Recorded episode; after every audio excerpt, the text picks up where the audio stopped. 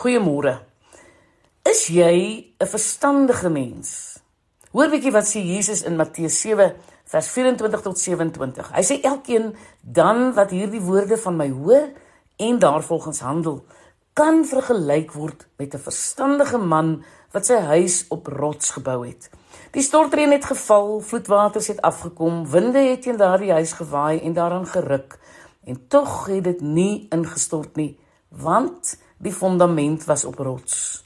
En elkeen wat hierdie woord van my hoor en nie daarvolgens handel nie, kan vergelyk word met 'n dwaas wat sy huis op sand gebou het.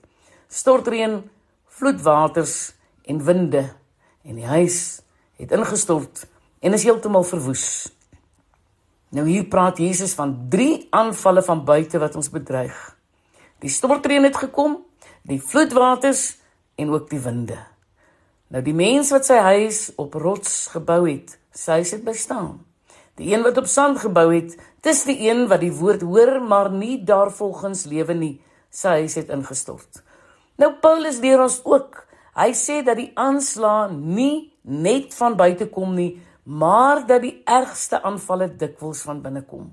Die vyand slaan nie net aan die buitekant toe nie. Met ander woorde jou gesondheid en oorlewing, jou finansies, jou gesin, jou toekoms, maar ook aan die binnekant. Dit is nou jou gemoed en jou siege. En dis hier waar die sorge waarvan Paulus praat kom nes maak in ons gemoed. Dis die dinge waaroor ons ons bekommer. Ja, die gevoelens wat ons depressief maak, die sorge van die lewe wat ons kan lam lê. Dink net 'n bietjie oor jou eie lewe en maak dan vir jou 'n lys van die aanslag teen jou huis. Wat hou jou gedagtes gevange op die oomblik? Hm? Is dit bekommernis oor jou eie of familielede se gesondheid en veiligheid? Is dit moontlik die onsekerheid van vandag en môre?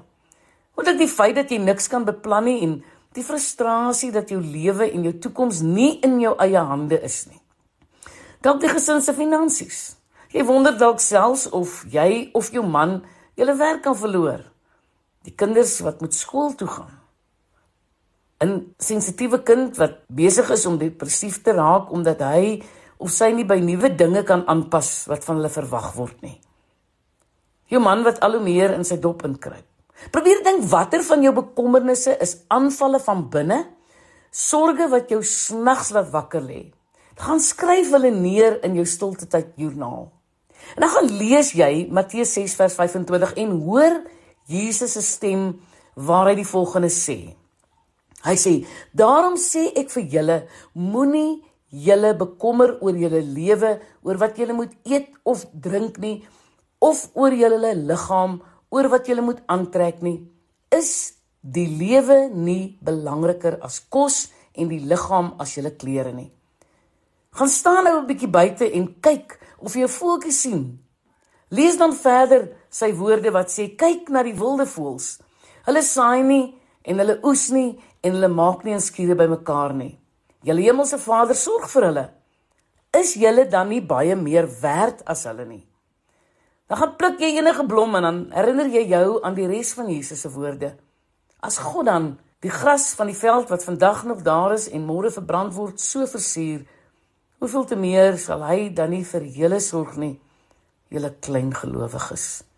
As daar nou een ding is wat die lewe my geleer het, is dit dat dit nie die groot rampe en uitdagings is wat my onderkry nie, maar dat dit juis die klein dingetjies is. Die daaglikse sorges wat my so moeg en soms moedeloos maak, kom meestal van binne. Dis die wat as gedagtes waarmee ek soggens opstaan en saans gaan slaap Maar wat noem Jesus dit?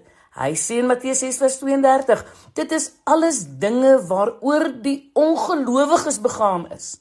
Julle hemelse Vader weet tog dat julle dit alles nodig het. Nee man, beywer julle allereers vir die koninkryk van God en vir die wil van God, dan sal hy julle ook al hierdie dinge gee. Ons sit met onsekerhede, maar ons weet waar ons sit, binne in 'n huis op 'n rots. Ons enigste sekerheid is dat ons die rots ken. Ek is Lenet Peer vir Radio Kansel.